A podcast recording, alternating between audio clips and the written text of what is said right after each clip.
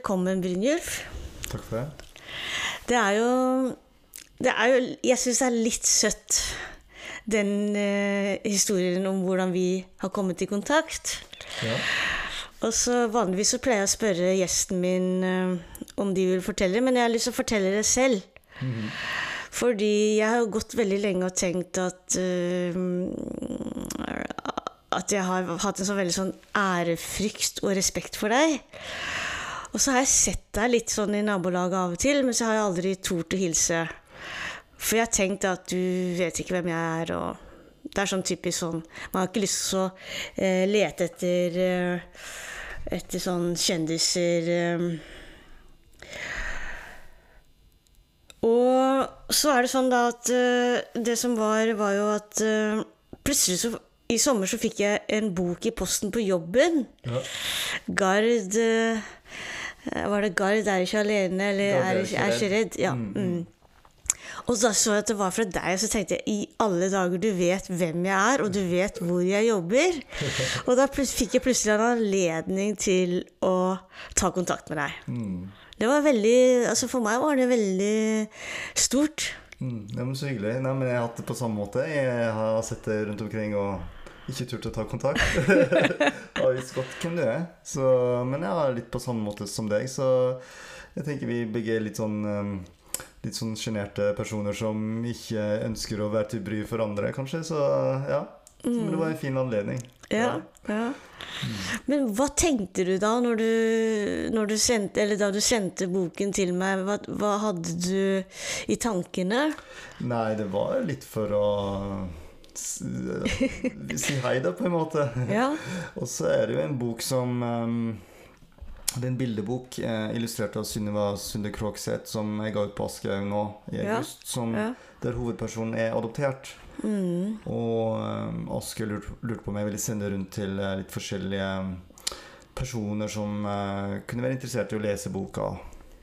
Og da tenkte jeg jo da på deg, blant Ja, andre. Så, eh, og så, så kunne det være en fin måte å ja, ta et sånn første steg til å bli litt kjent, da. Ja. Så det var jo gikk jo veldig fint, det. Ja. ja, nei, det var veldig sånn Ja, men nå, nå er det en, en åpning. Jeg opplevde det veldig som en sånn invitasjon. Mm. Og da var det mye enklere for meg også å ta kontakt med deg og takke og, og si at jeg vet veldig godt hvem du er. Og så er vi jo faktisk naboer. Ja, vi bor jo kanskje luftlinje 200 meter. Ja. Så, ja. ja. Mm. I, her i Ullevål hageby. Mm. Mm. Og, og da pleier jeg liksom i denne podkasten, da, som du kanskje vet, spørre litt hva har du gjort i dag? Det er mandag 26. september. Det er eh, regn ute. Og, og selv har jeg vært inne med liksom recover from, fra covid. Men hva har du gjort i dag? Jeg har eh, stått opp tidlig og dratt på jobb. Vært på jobben min i Samlaget, som, er forlagsredaktør. Og så har jeg henta barn, to, de to minste, barnehage og skole i regnvær. Det Gikk veldig fint, det, faktisk. Mm.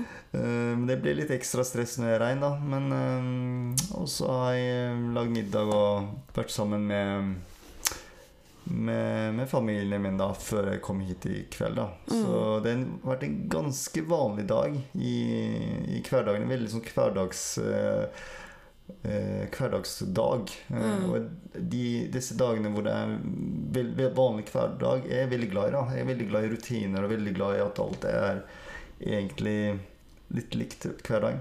Mm. Og, og hva er det, tror du, som gjør at du liker hverdager og gjentagelser og rutiner? Jeg slipper på en måte å stresse og kanskje grue meg til ting, eller måtte forberede meg til ting, eller prestere. Jeg tenker at så lenge alt går i den vanlige tralten, så, så har jeg kontroll, og da flyter det bare. Det syns jeg er veldig fint, da. Eh, men uh, spesielt i det siste, når jeg ga ut en ny bok nå som heter 'Hvit norsk mann', som har ført til en del flere oppdrag og flere Mm. situasjoner hvor jeg må forberede meg. Og jeg liker jo det òg litt, da. Jeg liker jo det spesielt når, det, når jeg syns det er veldig relevant, og som jeg kan kan liksom ha noe viktig å si. Mm. Eh, Sånn at, eh, men jeg er nok aller mest glad i hverdagen. Mm. Ok. Skal vi, liksom, jeg tenker på hverdag. Eh, handler det om eh, at det er forutsigbart? Ja. Og jeg tror hele livet mitt så har handla veldig mye om det trygge og forutsigbare. Vite um, hva som skal skje, og hvem som er rundt meg. Eh, det har jeg hatt helt fra jeg var liten. Eh, sånn at eh, jeg tror det er noe som har fulgt meg hele livet. Og når jeg er blitt voksen, så var jeg opptatt av å få fast jobb og vite liksom hva framtiden skulle bringe. på en måte. Ja. Ehm, så jeg har alltid vært opptatt av trygge rammer. Mm. Rutineliv, familieliv. Mm. Men samtidig så har jeg hatt et slags kreativitet inni meg som har vært viktig å få ut. Mm. Som jeg har fått ut i, gjennom skrivingen. da Hvor jeg på en måte kan på en måte, ja, leve, leve ut uh, alt det som bor inni meg. Uh, hvor ting ikke er så i faste rammer. da Men, uh, men, men Så jeg føler at jeg kan være mest kreativ så lenge det er ja, rammene er trygge og forutsigbare. Mm. Mm. For det det er noe jeg kan gjenkjenne, da. Jeg vet ikke om det handler om adopsjon eller ikke, men, men dette at på den ene siden et veldig sånn utadvendt eh, behov for å eksponere eh, tanker og ideer, da. Som er jo Nå har jo vært veldig eksponert i media, det kan vi snakke litt mer om senere. Og samtidig det at det er en helt blank dag hvor du vet hva som skal skje. Og, altså det, det er den derre lille folden da, av eh, forutsigbarhet og, og gjen, Jeg er veldig glad i ordet gjentagelse. Eh, både i skrift og i tale. Og, og jeg har liksom lurt litt på hvorfor er jeg så glad i gjentagelsen. Altså Jeg har vært sånn opptatt av Kirkegård, har jo snakket, skrevet noe om det. Jeg vet ikke om du har lest. Nei. Men altså, for meg er gjentagelsen det bildet det er at du, altså, du, du Gjentagelsen er noe annet enn sentimentaliteten hvor du bare mimrer. Eh, eller hvor du på en måte hele tiden oppsøker nye erfaringer. Så er gjentagelsen det at du oppsøker det samme, og samtidig så er det noe nytt.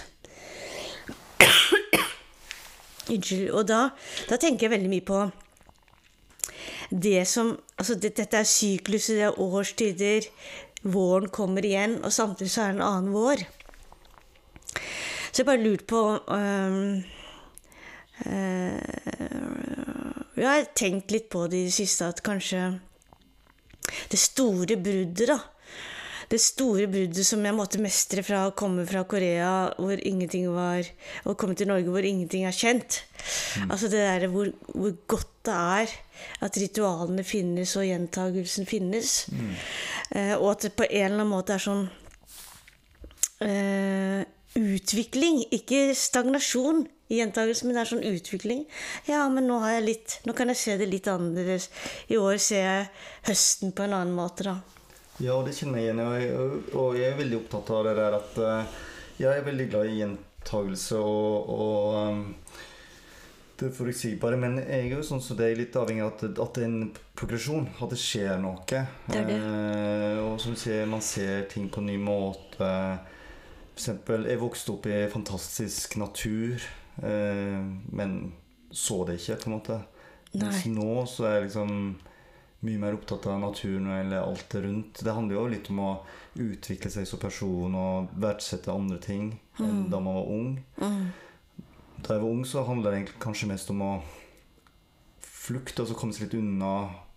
Eh, Man ville kanskje bort fra Kanskje ble litt for ru- rutineprega, i- spesielt i ungdomstiden. da Mm. Samtidig så har jeg hatt veldig en trygg og rolig oppvekst, og det har nok fulgt meg hele livet. Og jeg tror det har noe med, med det å være adoptert eh, Eh, alle adopterte har jo opplevd eh, minst to eh, eh, brudd i livet sitt. Sant? Først blir du forlatt av biologisk f- f- foreldre, og så havner du på barnehjem eller fostermor eller andre som tar vare på deg. Og så på nytt så blir nytt brudd, og du havner i et helt annet land og helt ny familie og slekt. Så det er store omveltninger. Så jeg tror det sitter i kroppen hos mange. da Og jeg tror det sitter veldig i kroppen hos meg. Um, og jeg hadde ganske trygge rammer hjemme og ble vant til det. Uh, og når det sånn Når ting var litt annerledes, så ble jeg veldig utrygg. Sånn at, sånn at um, tror jeg alltid har søkt mot det trygge og, og, og forutsigbare i hele livet. Hva slags natur Hvor snakker vi om da, når du sier naturen? Ja, på Vestlandet. Ja, snakker hvor? om eh, Sogn og Fjordane. Sogn, ja. Rett ved Sognefjorden. Sognefjorden og fantastisk natur med høye fjell og djup og stor, uh, mørk fjord og uh, mye skog. Mye gårder. Ja, så det er liksom um, frukttrær og mm, eh, fosser og Nei, det, det er veldig, veldig fint, da. Så Ja. mm. Kan du, har du noen erindringer, for det er jeg så nysgjerrig på, har du sånn erindringer de første sånn opplevelsene av natur, av fjell og foss, og, altså at du på en måte kjenner det sånn eh, Du er jo en veldig sanselig person gjennom språket ditt, så kan du huske at du kjenner Dette er Dette er vakkert, på en måte. Altså estetikken slår inn. Nei, det kan jeg ikke Jeg tror jeg var ganske stor før jeg tenkte det. For det tror jeg handler veldig mye om at eh, for meg når jeg vokste opp, så var naturen og dyr og natur var noe litt skittent og Så kunne det lukte litt, og det var liksom våt, våt jord og våt gras og mørk skog. eh, det var, kunne være kaldt, og det å gå i skogen og tråkke på dyre Uh, Dyre uh, ja, ekskrementer ja. og døde dyr. Sånn lam som hadde blitt spist av, og uh, andre dyr. eh, Altså, for meg så var naturen litt sånn Forråtnelse. ja, det var noe liksom Det, var, det var noe veldig ekte, men det var noe som på en måte Jeg, jeg søkte ikke så veldig mye ut, nat, ut på naturen da jeg vokste opp. Jeg søkte mer inn, litt mer inne. jeg ville lese og tegne og se på TV og sånn. Mm. Um, Inneaktiviteter. ja, så, Ja. mens jeg da vokste opp der i ei lita bygd omgitt av en sånn voldsom natur, da. Mm. Omgitt eh, overalt fordi det bor så få mennesker der, og du, du bor i huset der omgitt av fjell, høye fjell og skog og dyr. Og vi, i helgene så dro vi på eh, Stølen og, og omgitt av elv, kraftig elv som, som renner rett ved siden av, og uh, sauer som går utenfor. Og, uh, så, det, så naturen er veldig tett på. Jeg syns det kanskje var litt sånn, nesten litt sånn skremmende eller litt sånn voldsomt. da Mm. Mens, eh, mens jeg nå i større grad hadde satt pris på det. Mm. Men jeg tror faktisk fortsatt ikke at jeg kunne overnatta alene på Stølen, f.eks. Så jeg, jeg var liksom mørkredd, og alt, alt, alt, det her, alt dette her var veldig sånn litt sånn trugende og mørkt og litt sånn skummelt. Så jeg likte meg veldig godt inne. Mm. Altså, det er veldig interessant, for det kjenner jeg meg så igjen i. Altså, jeg, jeg, jeg får sånn ubehag av for mye natur. Eh, litt sånn forråtnelse og eksperimenter og insekter og alt dette. Og samtidig så har jeg sånn sterkt, sterkt estetisk, nostalgisk forhold til vestlandsnaturen, da, særlig. Altså, jeg kan liksom på en måte Altså, jeg tror at jeg er eh, I ideenes verden så er det det vakreste som finnes, vestlandsnatur. Og så kan jeg bli motløs hvis jeg går liksom på en liten setevei, og det er fullt av kumøkk og Altså, jeg, jeg blir så fort stoppet i illusjonene, og derfor så passer jeg bedre inne. Ja, det er litt sånn, sånn med meg òg. Jeg kjenner meg ganske i det, da. Så ja. eh, Jeg tror nok at eh, har en slags Altså, jeg er veldig glad i naturen og, er veld, og veldig glad i å være ute, men jeg er ikke sånn Ikke sånn som kan eh, ta med et telt på ryggen og overnatte ute i naturen. Sånn er jeg ikke helt tatt. Sånn at, ehm, men jeg setter pris på naturen som uh, i større grad enn da jeg vokste opp. Og det handler litt om å bli moden og også kanskje sette pris på andre ting enn det man gjorde da man var ung. Og, og, og det som Noe av det som jeg tenker eh, med deg, er jo det som du sier med eh, det indre livet ditt, da. Altså, jeg, jeg kjenner jo ikke til familielivet ditt og rutinene og sånn, og familieliv, men jeg, jeg liksom har lagt merke til titlene dine, boktitlene dine. Eh, kan ikke du bare nevne noen av de boktitlene dine, fordi de er veldig spesielle. Ja, nå fikk jeg litt sånn uh, jernteppe. Men eh, forrige nå, Altså uh, Hver dag skal vi være så modige. Mm, Kom for ett år siden. Og så har jeg Alt er lys, alt er mørke. mm, Og så har jeg um, Så vakker du er. Og eh, Lyden av noen som dør. Jeg kom for å elske var debutboka mi. hva, hva sa du? Jeg, jeg Jeg kom for å elske. Ja, for det var den jeg la merke til. Ja. Ja, ja. som var aller første boka. Mm, Så mm, det en del lange titler. Så er det noen korte smadra og- som er ungdom, ungdomsroman. Mm, Og den fineste historia, det er en, det bildebok. mm. Så mm, ja. Og hva tenker du når du hører deg selv eh, eh, liksom ramse opp disse titlene? Ja, det er jo litt sånn eh, Ja Så vakker du er, den fineste historia.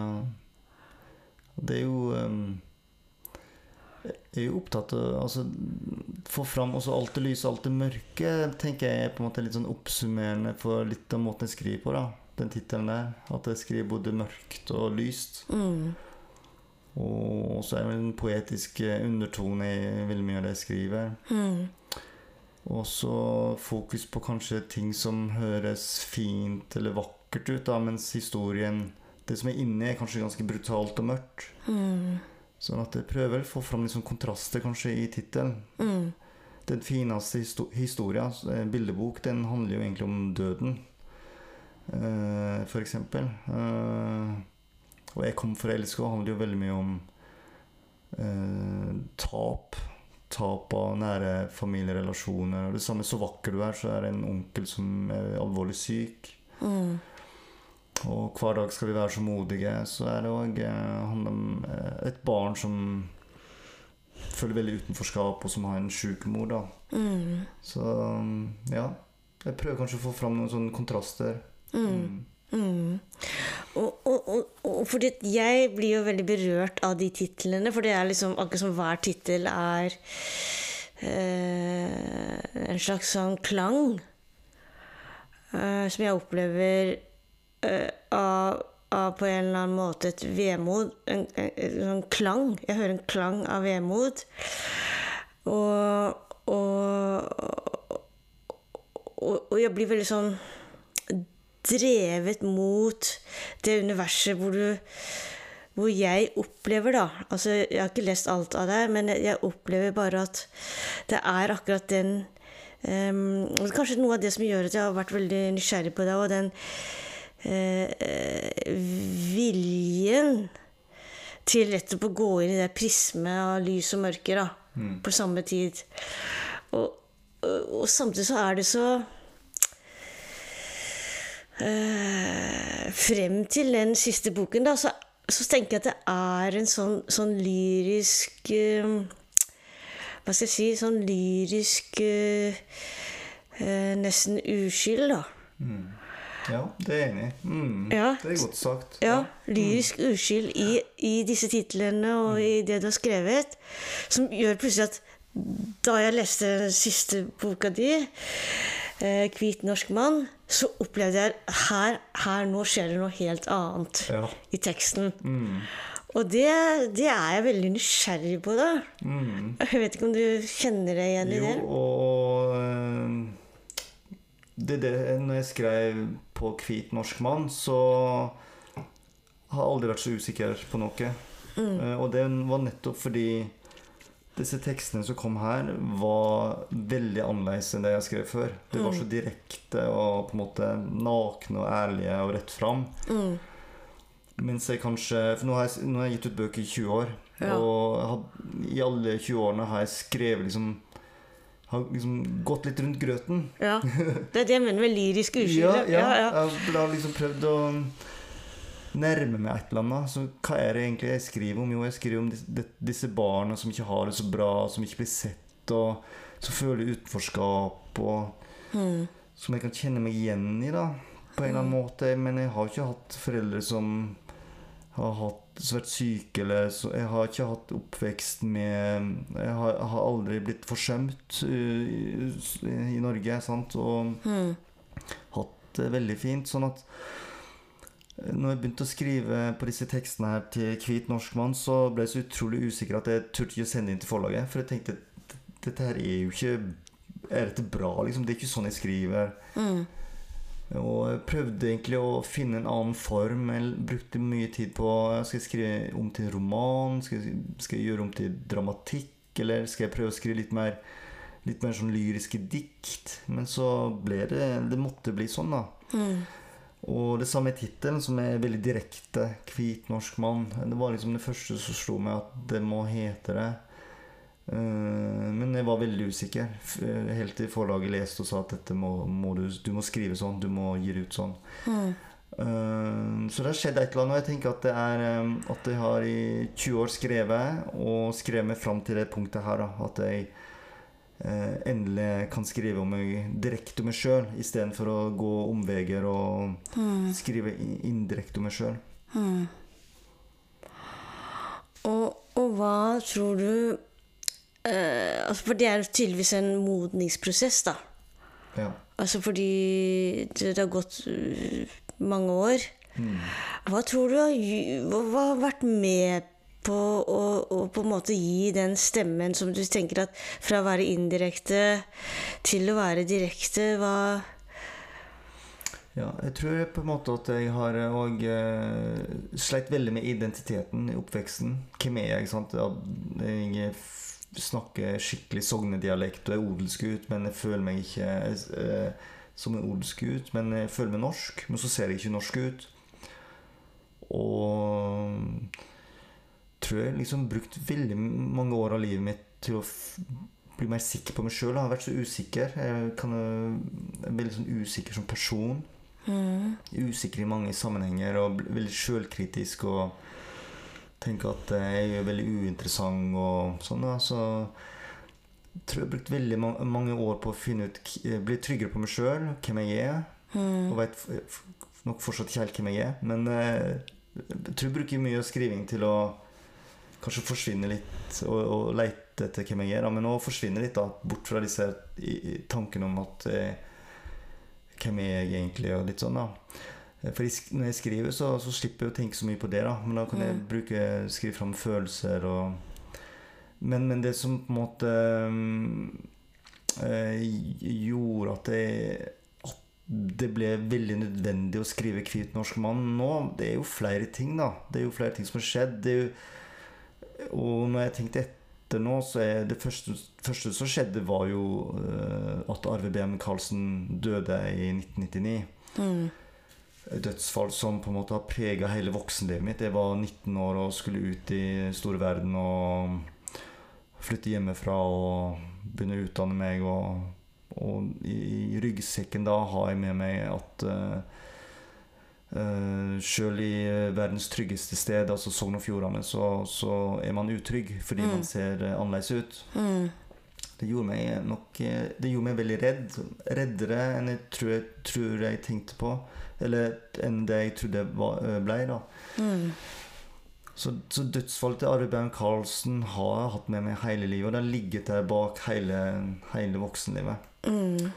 Også, Og, og hvis vi skal bore litt i det mm, For hva En, ting, som en eh, indisk adoptert mm, gutt i Sogn og Fjordane eh, blir Blir liksom på en måte drept. Ja, han blir iallfall jaga. Jaget i Og så er det ingen som veit hva som skjer der. Nei, Eh, nei. Men vitneskildringer sier jo at de som jaga han, var veldig tett på han. Ja, ja, Og de kommer De, de følger etter han under brua. ja. Og så kommer de tilbake, og etter det har ingen sett Arve. Nei. Og kjente du han? Kjente han ikke, og eh, jeg følte meg Altså, jeg var jo 19 når dette skjedde. Dette skjedde i 1999. Mm. Jeg vokste opp som én av tre adopterte i den heimbygda mi, men de to andre var veldig mye yngre enn meg. Mm. Så jeg følte mer eller mindre at jeg var den eneste adopterte ganske lenge. Mm. Eh, sånn at jeg, jeg følte at jeg vokste opp i en veldig sånn hvit verden. Eh, så Arve visste, visste jeg ikke om, og jeg gikk på en helt annen skole. Jeg gikk, gikk i Balestrand på, Balestrand på videregående. Og eh, Så det at eh, Første møtet mitt med Arve er jo, sånn som jeg husker det, førsteside i VG og dobbeltside inn i VG om her Vitnet sier at de ropte 'drep denne negeren', og han ble borte i elva. og Mm. Sånn at det var mitt første møte med Arve. Men, men klart, dette skjer i et veldig lite ø, ø, eh, område, altså Sogn, hvor det bor, i Sogndal, hvor det bor, på den tiden bodde kanskje 6000-7000 mennesker. Og Sogndal ligger halvannen time unna der jeg vokste, vokste opp. Mm. Og Arve eh, vokste opp i Hafslo, som ligger da mm, kanskje en halvtimes kjøretur unna Sogndal. Mm. Så det, det skjedde jo i mitt nærområde. Og jeg var i Sogndal da jeg las om det. Altså tilfeldigvis. Sånn at det føltes veldig tett på. Og det at han var adoptert, var jo veldig Gikk veldig sterkt inn på meg. Det, gikk, det var en annen episode. Det var en, det var en ung mann som, eh, som eh, hadde en bilulykke og omkom. Han var adoptert, og jeg husker han var en del år eldre enn meg, og det satt veldig i meg. Fordi oi, det en annen adoptert, han døde i en bilulykke, liksom. Sånne ting husker man, fordi det er så få andre som du kan identifisere med når man vokser opp. Okay, ja. Og han bodde i nabokommunen eller noe sånt. Sånn at eh, eh, Og så når dette skjer, da At, mm. at en annen som er adoptert, som er ett år yngre enn meg, det, det satte skikkelig støkk i meg. Mm. Og fordi da går eh, gjenkjennelsen Den går på adoptert. Adoptert, og at man har en annen I- utseende. Mm. et annet utseende i en bitte liten hvit, blenda hvit bygd. Mm. Og, og, og hvis det er mulig med han, så er det også mulig for deg. Ja. Mm. Og, ja. Fordi du la Det kan jeg kjenne igjen. Altså, man legger merke til alt med alle andre som er adoptert i media. Mm. du blir liksom en sånn I dag ville det kanskje sett annerledes ut, men oi, vedkommende var adoptert. Altså Det gir en sånn type eh, lyskaster, kanskje, egentlig inn i eget liv. Ja, spesielt fordi man er så Man er nesten den eneste som var adoptert da, Mm. i det området. Så det blir så utrolig Man identifiserer seg så utrolig med det. Jeg husker jeg, den, En av de favorittfotballspillerne mine var Hainok Tran. Han var jo båtflyktning fra Vietnam. Ja. Eh, spilte én kamp på norske landslaget, liksom. Men for meg så Jeg heier jo på han. Jeg hadde ikke noe forhold til Vålerenga eller Kongsvinger, hvor han spilte. Eh, Men det var så utrolig viktig for meg at det fantes en med asiatisk utseende som faktisk spilte toppfotball. ja. Eh, sånn at eh, eh, Ja, nei, det- jeg tror det Så for deg var det forbilder, eller Ja, mang mangel på forbilder gjorde at Mm. man liksom lette litt Og lette litt, da, eh, etter, etter mulige forbilder. mm. Eh, For, fordi det er annerledes i dag enn Ja. enn- da jeg vokste opp på, eh, på 80- og 90-tallet. Ja, ja for det, det kjenner jeg igjen. at det som, For meg var det jo ingen forbilder. Jeg var jo tvert imot redd hver gang jeg så en asiat eller en koreansk eller Da løper jeg jo unna. Ja, interessant. Ja, ja. Fordi jeg ble flau når jeg så andre Ja, du gjorde det, ja. Jeg ble flau, for det minner meg om at Å, det er sånn jeg ser ut. Ja. Fordi når du vokste Når jeg var liten, så trodde jeg at jeg var hvit. Mm. Og så når jeg så andre som var asiatisk sånn plutselig, helt tilfeldig kanskje i en annen kommune, så ble jeg nesten flau og brydd. Ja. For at oi, det er sånn jeg ser ut. Det er sånn Ja. andre ser på meg. At jeg skiller meg så veldig ut. ja. Eh, For sånn var det for meg. Skamfølelsen. Altså, Ja. Jeg var helt eh, livredd. Jeg. Altså, jeg husker jeg hadde i, Tr i Trondheim jeg, jeg er jo um, var jo, det var jo på 60-tallet. Uh, sent på 60-tallet. Da var det en koreansk tannlege. Mm. De måtte holde meg med makt. Ja. Fordi at den, den lampa og det ansiktet der Som antagelig var det mye mem memory, altså minner. Ja. Men det å se det Men jeg husker like mye den gangen jeg spilte piano, så var det sånn det som kalles elevkveld, hvor alle elevene skal vise frem. Eller spille, da. På Viken eh, folkehøgskole, eller hva det het den gangen. Tonheim heter det nå. Og så var det sånn Ok, jeg var sexy, og der var det da jeg så en annen koreansk jente som lignet på meg, på samme alder Jeg gjemte meg. Foreldrene måtte bare trekke meg frem. Eh, og jeg var helt sånn uh, Men er det ikke hyggelig? Ikke sant? Så sa moren min er det ikke hyggelig at Du må jo snakke med henne. Hun er jo liksom fra uh, jeg- Det var noe av det verste jeg hadde sett. Ja. Det er interessant, fordi billedboka 'Gard er ikke Ja, ja. som ja. jeg sensiterer da Jeg, jeg har nettopp så det. da. Jeg så det, ja. At man Fordi det er to adopterte som Da forventer man at man skal finne tonen, da. Og med en gang. Og med en gang, og selv om det er stor aldersforskjell og Ja, ja. Sånn at um, uh, Ja, nei, det er, eh, det er interessant uh, det du sier der, altså, for jeg kjenner meg veldig igjen i. Og, så, Jeg husker jo en annen episode hvor um, jeg var 18 eller 19 år, og jeg skulle møte en annen adoptert som da studerte litteratur i Bergen. Mm. Jeg husker ikke helt hvorfor jeg skulle møte han, men vi møttes da på en kafé Opera i Bergen. Mhm. Og så når vi satt der og drakk kaffe, eller husker ikke helt hva vi drakk cola, eller var midt på dagen her, så slo det plutselig Her sitter to asiatiske personer. Eh, jo, jeg tror jeg møtte han fordi jeg hadde akkurat skrevet en bok, eller holdt på å skrive. Um, og jeg ble så flau, Ja. husker jeg. Jeg bare satt der og ville gå, egentlig ja. bare følte at all, hele verden så på oss, liksom. Mm. Her sitter det to stykker som ehm, eh, asiatiske. For, Ja. Og det blir så eh, det, Så det er veldig interessant. I dag har jeg har En av mine bestevenner er jo adoptert, og sånn at eh, i dag så så tenker jeg ikke sånn i hele tatt. Men, men, eh, men da for- Fordi jeg var så usikker ja, men du fikk det blikket. Du fikk det ja. utadvendte blikket. Ja, ja. Og fordi man Jeg var så usikker på meg sjøl og mm. identitet og hvordan Mm. Ja. ser andre på meg, og hva tenker de nå? Mm. Bare sånn apropos, har du noen gang hatt en asiatisk kjæreste? Nei, jeg har ikke det. Nei. Hvordan tror du det hadde vært? Har du tenkt på det? Eh, jeg har faktisk eh, kanskje litt politisk ukorrekt, men eh, faktisk ikke hatt lyst på det. Nei. Nei. Nei? Nettopp fordi jeg har ikke hatt lyst til å bli tatt til å være utenlandsk. Ja. Så du syns det er lettere å ha en etnisk norsk kvinne Ja, altså nå, nå har Det er ikke sånn bevisst at, eh, at Nei, nei. jeg men, Det er ikke sånn men, men, men jeg husker at eh, At det, det hadde jeg vært skeptisk til, da. Nettopp fordi men nå, nå møtte jeg kona veldig ung. Jeg var 21 år, og vi har vært sammen da siden jeg var 21 år. Men eh, faktisk ikke Det husker jeg tenkte litt over. Mm. Ja, for det var det det jeg lurte på. Liksom, Ja. Fordi at jeg som blir sett Altså, jeg har jo vært både Jeg har jo vært sammen med asiatiske Jeg har hatt asiatiske kjærester og, og asiatiske venner, akkurat som mm. dere snakker om. Og, og jeg blir jo sett på annerledes i det øyeblikket vi er to brune som går på gata eller sitter på en kafé, enn en brun og hvit. da. Altså, det, er, det er jo ikke til å komme fra. Selv ikke nå Nei. Så er det sånn Det er ikke lenge siden liksom, sist jeg satt Eh, Så En av mine beste venner er jo pakistansk. Ja. Og, og hver gang vi er sammen, så, så ser folk på meg annerledes enn hvis jeg er sammen med mine etnisk norske. Mm. Ja. Men jeg vil litt tilbake til det med Arve Karlsen. fordi at det, det, det som eh, Altså, ble du redd på ordentlig?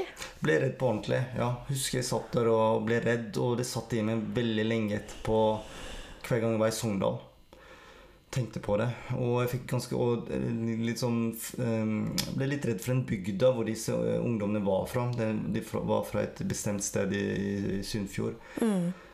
Så jeg har aldri vært der. Så jeg har sånn dårlige assosiasjoner til den bygda. Um, eh, og, og jeg har vært litt redd når jeg har vært i Førde, for det, det er ikke så langt unna.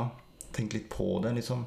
Mm. Og hver gang jeg er tilbake i Sogndal nå, så tenker jeg på det som skjedde med Arve. Nå er jeg ikke redd da eh, lenger. Jeg er jo ikke det, men, men, men det er noe som sitter i kroppen. Eh, nettopp fordi eh, det føltes så, så tett. Og så tror jeg det handler litt om hvordan den saka utvikla seg og ble behandla. Mm. Jeg tror på en måte Hadde det skjedd i dag, så hadde Jeg tror ikke samfunnet hadde godtatt at det hadde blitt behandla på den måten. Altså, Når jeg ser litt sånn i ettertid, så føler jeg at eh, mora til Arve Beam Karlsen, Kari, sto veldig aleine om det. Altså, hun har brukt eh, Jeg møtte Kari Jeg var, ble lokalavisjournalist et par år etterpå og intervjua henne om saken. Hun ga ut bok og Mm. Jeg fikk en slags Jeg følte det var en Jeg fikk en slags eh, connection med henne. Jeg følte at det var Vi hadde en fin connection, da, nettopp fordi eh, at eh, jeg, jeg, følte at hun var veldig Hun var utrolig på sønnen sin sin side. da Utro, Kjempa utrolig for sønnen sin. Som gjorde at jeg fikk kjemperespekt for henne. Og jeg ble veldig glad i henne som, som person da, og, og rollen hennes. Og jeg tror ikke i dag med, med sosiale medier, hvordan det fungerer i dag, og hvordan, hvor bevisst vi er på dette med rasisme og sånn, så tror jeg ikke man hadde ikke godtatt det i dag. På den samme måten. Jeg tror vi hadde fått en helt annen reaksjon. Altså, man hadde, flere hadde tatt til orde. Ja, vi får håpe det, men mm, Men samtidig som jeg Jo, jeg tror vi hadde kanskje flere tatt til orde, men jeg har hørt deler av den dokumentaren som nå ligger på uh, NRK. Jeg vet ikke om du har hørt den? Jo. Mm. Og for meg er det så ubehagelig. eh, fordi det handler om de voksne. Eh, altså, han forteller om massiv uh, mobbing. Og rektor sier bare at du, du, du, du, du taper hvis du trekker deg. Altså det, det, det, er det, er jo noe av det verste. Det der er jo at, eh, at det ikke finnes kompetanse eh, for dette, og at det er så struktur, strukturelt at det handler om utseendet. Jeg husker veldig godt da jeg var i Danmark. Jeg skulle faktisk lese på en sånn adopsjons... eh, Det var 2014 da jeg ga ut min roman, og så var det sånn skulle nordiske adopterte eh, som skulle Uh, lese da sine ting. Og så var det da akkurat rundt eh, Mohammed-tegningene. Og, og jeg, jeg var livredd. Jeg husker jeg skrev, jeg skrev på Facebook Jeg er redd. Jeg er i et land hvor jeg tenker at nå kan alt skje. Altså den redselen fordi de bare ser utseendet mitt, de ser ikke hvem jeg er, osv., osv. Så så jeg forstår redselen, for det, det er jo noe med at jeg klarte ikke Jeg ble ikke redd den gangen med armen. men jeg ble veldig opprørt og har vært det egentlig mer og mer siden, fordi det er en sånn, igjen, strukturell Ja. Og jeg tror grunnen til at jeg ble redd, da, fordi det var så tett på, og jeg tenkte at jeg hadde jeg Nå gikk jeg på skole i Balestrand, men hadde f.eks. valgt å gå på skole i Sogndal Hvem så- vet? Eh, og Arve hadde uflaks, jeg hadde Mm. flaks med hvor jeg havna. Og um, for utgangspunktet var vi like. Han var adoptert fra India, jeg var adoptert fra Sør-Korea. Mm. Han var ett år yngre enn meg. Han havna Han møtte på feil mennesker. Jeg møtte ikke på feil mennesker. Sånn at uh, det, det føltes så tett og nært og litt sånn tilfeldig og Og fordi på en måte jeg eh, hadde ingen å dele dette med. Jeg hadde ingen andre kjente på min alder som var adoptert eller var mørke i huden og som kunne relatere seg til dette. Så jeg hadde det, holdt det veldig inni meg hele tiden. Vil du lese litt? Ja, det kan jeg. Fordi du har jo Det er jo kanskje diktene om Arve som de fleste anmelderne har trukket frem som noe av det øh, flere har skrevet obligatorisk. Og, og jeg, jeg Altså, jeg bare kjente liksom Det rislet gjennom meg da jeg leste det. Altså, for et Altså, for øh, Altså, jeg skulle bare så ønske alt i verden at han hadde fått høre det. Jeg skal ta og lese den. Gjør det. Jeg er den brune gutten som springer over brua. Jeg er den brune gutten som springer under brua. Jeg er den brune gutten som springer ut i elva. Jeg er den brune gutten som seinere blir funnet i vannet. De ropte 'drep denne negeren', men det var ikke meg. Jeg er ikke brun, jeg er gul. Jeg åpner de smale øynene mine og leser om Arve BM Karlsen. Han er ett år yngre enn meg, adoptert fra India. Guttene som jaga han, var like gamle som oss. Drep denne negeren, ropte de.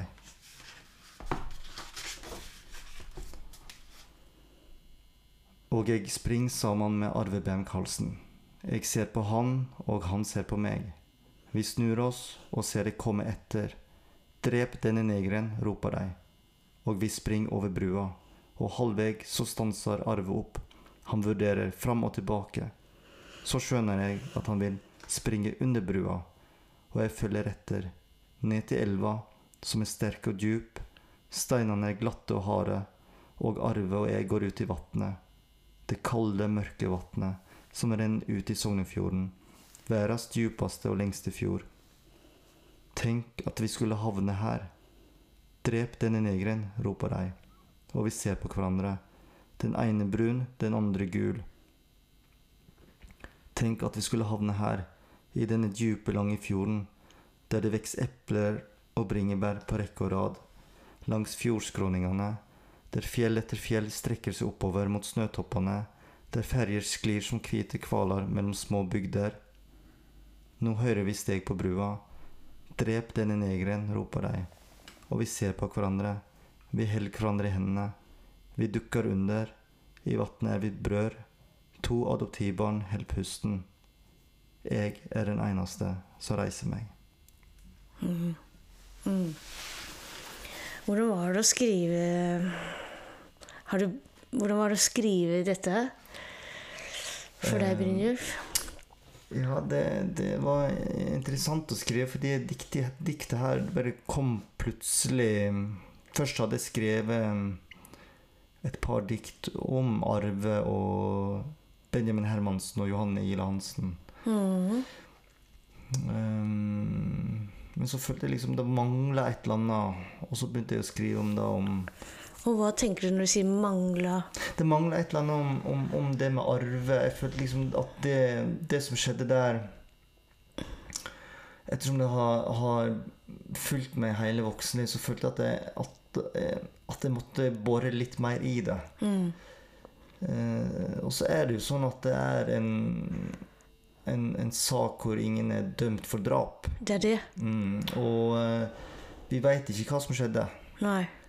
Eh, sånn at um, uh, Men så var det dette her med å, å, å løpe i mørket. Sant? Benjamin Hermansen han ble drept i mørket. Hvor, Mm. de, hvor, de, hvor gjerningspersonene løp etter han og stakk han med kniv. Og, Mm.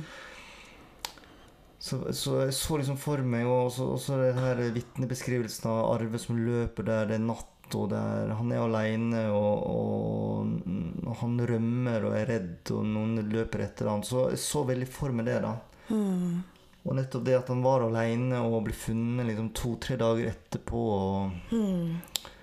vi veit liksom ikke hva som skjedde under der. Eh, Så, så, og hvordan, hvordan skulle jeg på en måte komme meg inn der, da? Og det er det som er det med skjønnlitteratur og fiksjon, det er at da kan man skrive seg tett på. Mm. Og um, eh, Og nettopp fordi han var så aleine, så ville jeg på en måte skrive, skrive at jeg at, at eh, Skrive meg veldig tett på at jeg skulle løpe med han. Og Mm. nettopp det der som jeg sa litt i sted, at han var jo heldig, og jeg var heldig. Han, han, Mm.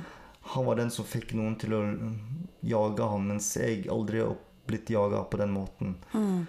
Uh, og det å leve seg inn i den redselen og den der eh, det, det, det var, det var sterkt akkurat der og da når jeg skrev det. Og, men det føles enda sterkere når jeg leser det. Mm.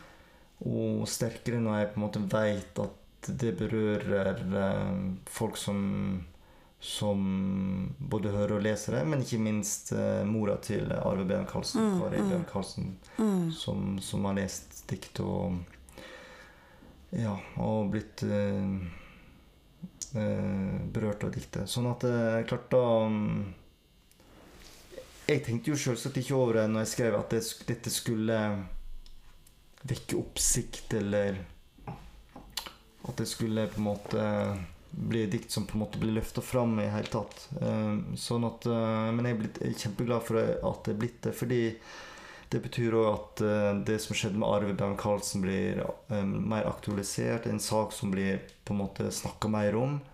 Som jeg syns er en fin, eh, resultat, fint resultat av det. Ja. Jeg tenker jo at det som skjer i, i, i det med arbeid, det er jo det med at det er på en måte white fragility. Altså øh, På en eller annen måte så torde man aldri å kalte det rasisme.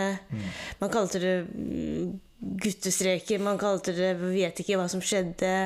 Eh, Det, det ble på en eller annen måte eh, satt en sånn klamme. Og det handler jo veldig mye, tror jeg, om Bygde-Norge og og det, det, Gud, Gud eh, fryktige, holdt jeg på å si. Sogn og innocent, da. Ikke sant? Altså sånn, altså Benjamin? Det er liksom Oslo og, og drabantby og Men jeg tror at det der innocent-ideen Så vi er veldig uferdige med den uh, historien. Så for meg var det veldig sånn Så forløsende at nå blir det Nå tar vi den tilbake. Ja.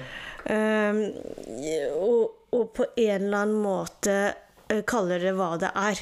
For vi, vi, vi, vi, kan liksom på en måte prøve å si vi vet ikke hva som skjedde. Jo, vi vet hva som skjedde. Det var noen som løp etter han og hadde holdt på med han lenge Ja, I forkant. Ja. i forkant. Og han var livredd, og han var utslitt av å bli mobbet fordi han utelukkende var brun. Og da vet vi hva som skjedde. Altså Tilfeldigheter om han snublet og falt og døde. Altså, det er liksom mindre betydningsfullt, for alt det som skjedde før, er rasisme og hatkriminalitet. Og så tror jeg han handler det om at dette var 1999. Altså nettopp som du sier at eh, Norge var fortsatt ganske uskyldig. Vi, og ikke minst Sogn og Fjordane. Sant? Det, gamle Sogn og Fjordane-fylket hvor det var minst eh, det, mm, det fylket med minst arbeidsledighet, minst kriminalitet, færrest drap. Sånn. Sogn og Fjordane var et veldig idyllisk, uskyldig eh, fylke. Og som jeg følte meg kjempetrygg i. Og så plutselig skjer dette her. Som forsterker Og jeg tror på en måte eh, eh, Det med Benjamin Hermansen, det var jo så tydelig. Ja, fordi det var nynazister, det var kniv. Sant? Det var så tydelig at det var mord, og det var rasist... Altså, det var eh, Alle markørene var ja, der. ja, mens her og så, det, det som jeg sa i sted, hvis dette hadde skjedd i, i dag, så tror jeg det fins flere stemmer. Og nettopp fordi vi har sosiale medier og, mm. og ver, eh, Norge som samfunn etter eh, eh, Og verden som samfunn etter Black Lives Matter og Stop Asian Hate er mye mer bevisst på, på dette med rasisme, så tror ikke jeg at det, jeg tror denne saken hadde fått en helt annen type oppmerksomhet i dag. Ja, vi kan håpe det. Ja. Fordi vi har jo Johanne, da.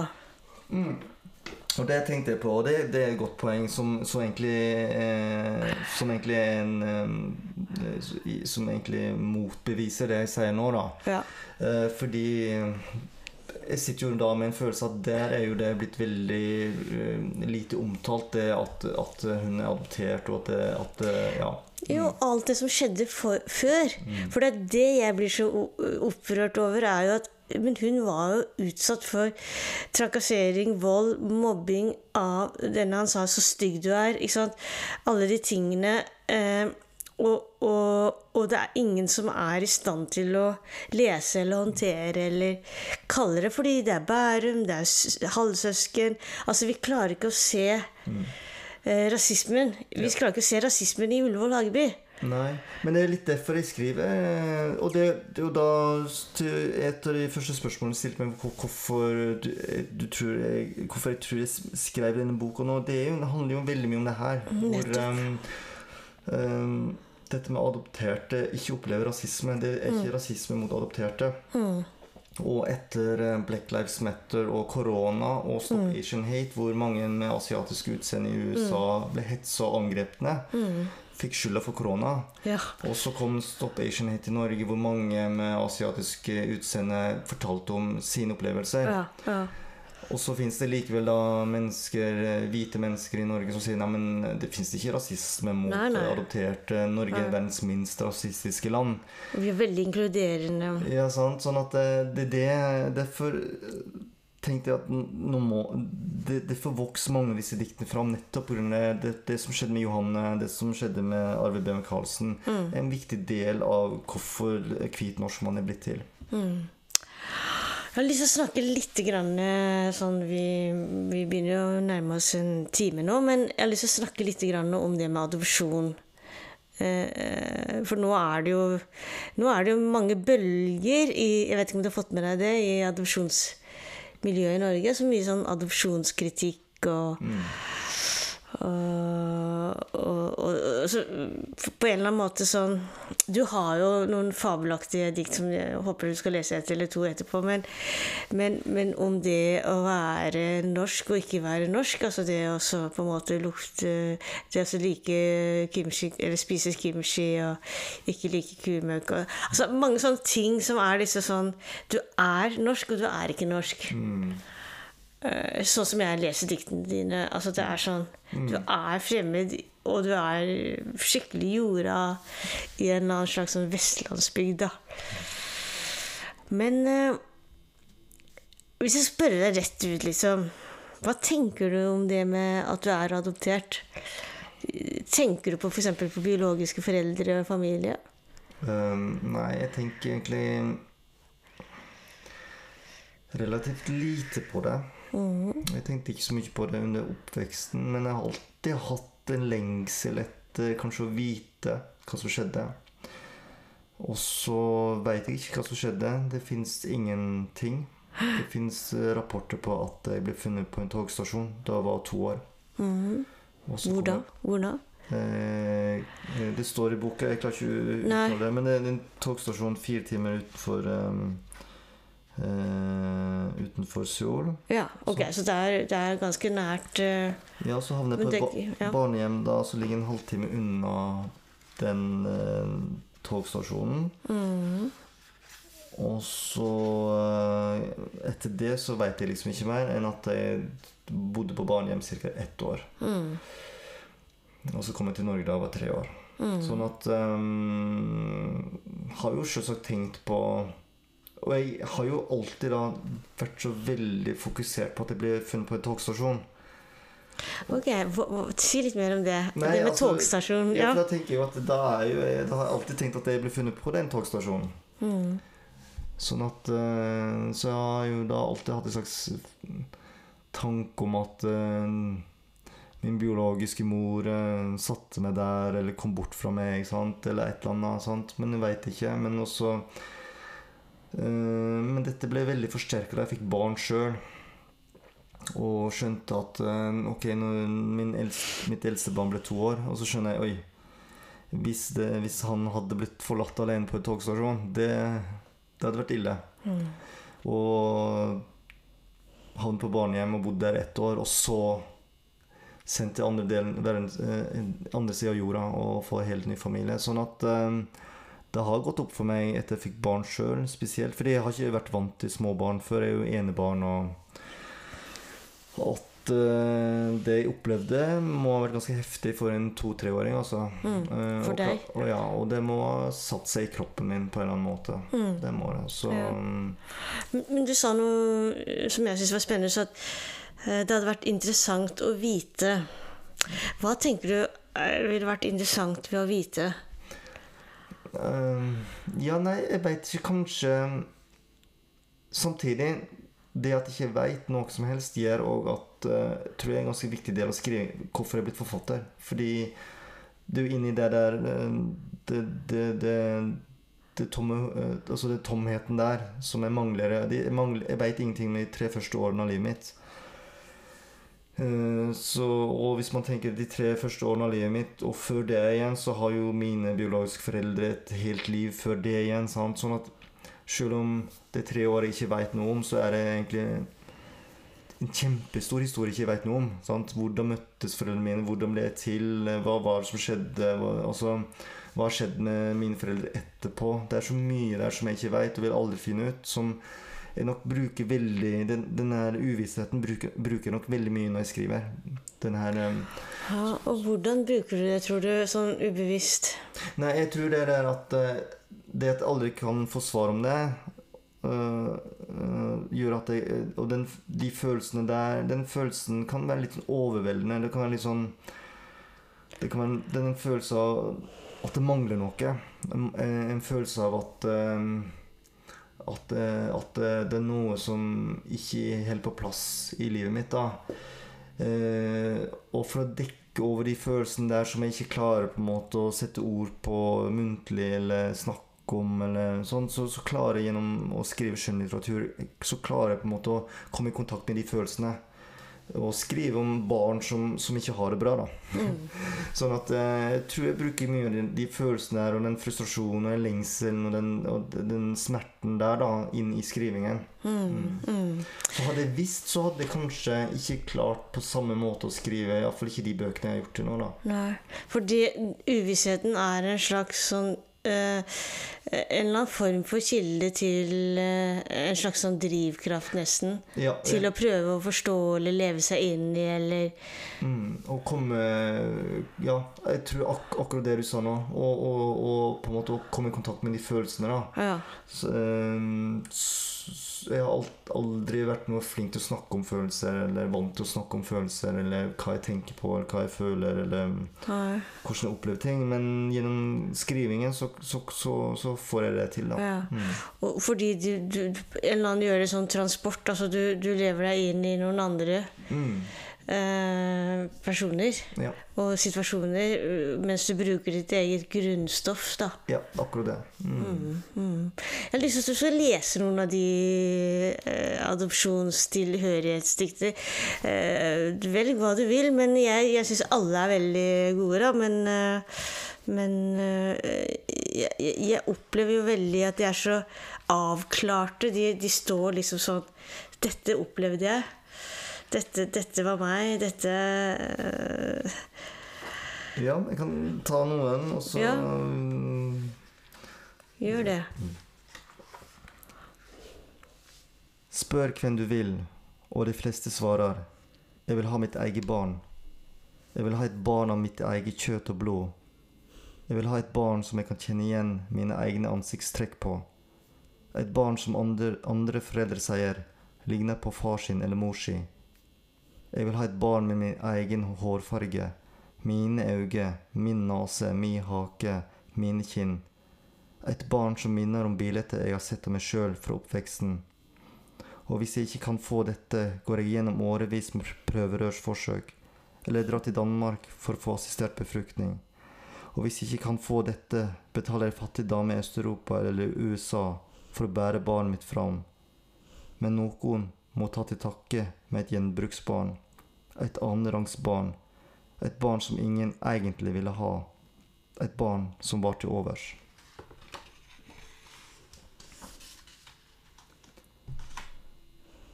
Jeg arver en gard, en traktor, en skog, et jorde. Jeg arver et fjøs, et hus, et sagbruk, ei seter. Jeg arver 50 mjølkesauer, en fòrhøster, ei elv med fallretter til kraftverk. Jeg arver høygafler, ljå, bilde av besteforeldre, oldeforeldre med mitt etternavn. Jeg arver en potetkjeller, en silo, en bø med bringebær. Jeg arver en grasklipper, en garasje med gamle verktøy, ei kiste med fjøsklede. Jeg er mor og far sin eneste arving. Jeg arver ingenting av deres blod. Mm.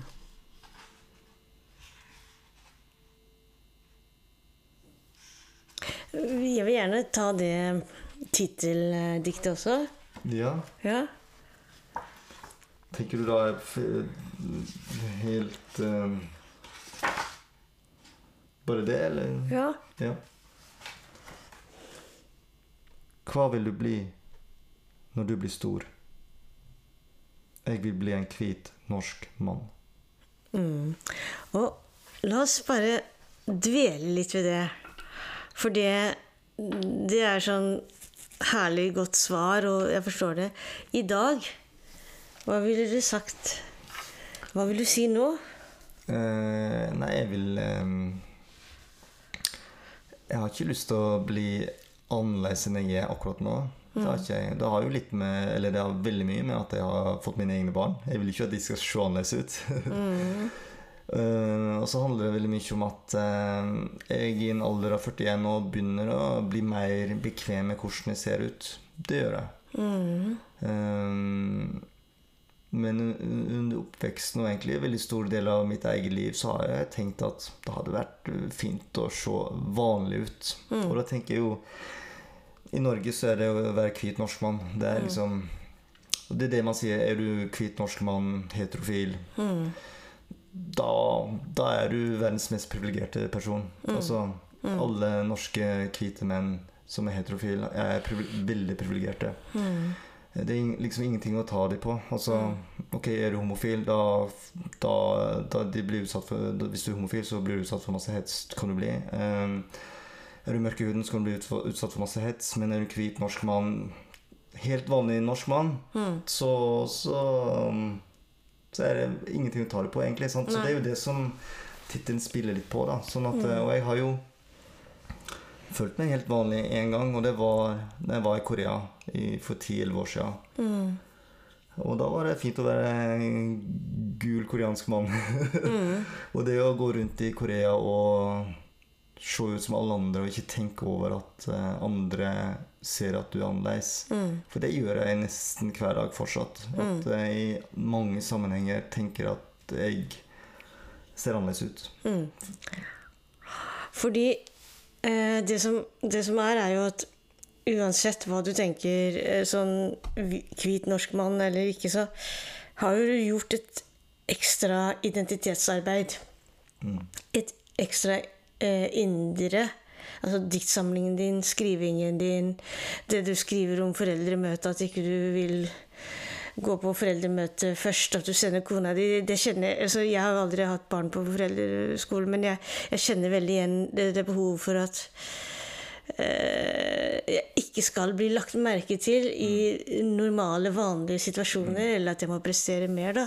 Så tenker jeg samtidig så, så har vi gjort et veldig interessant, i hvert fall eh, du og jeg, tror jeg, og mange flere, indre identitetsarbeid. Ganske skjult for veldig mange, tror jeg. Hvordan vi forhandler og forstår og lever med vår annerledeshet, da.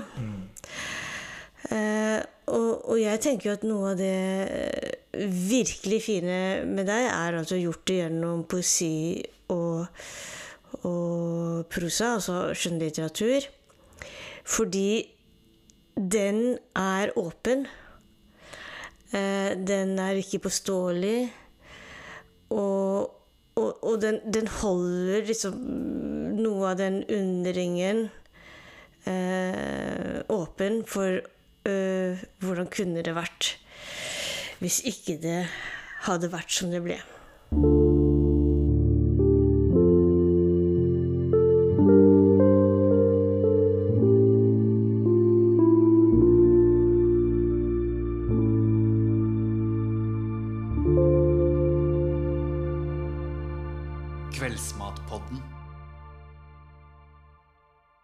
For at du hørte på Kveldsmatpodden.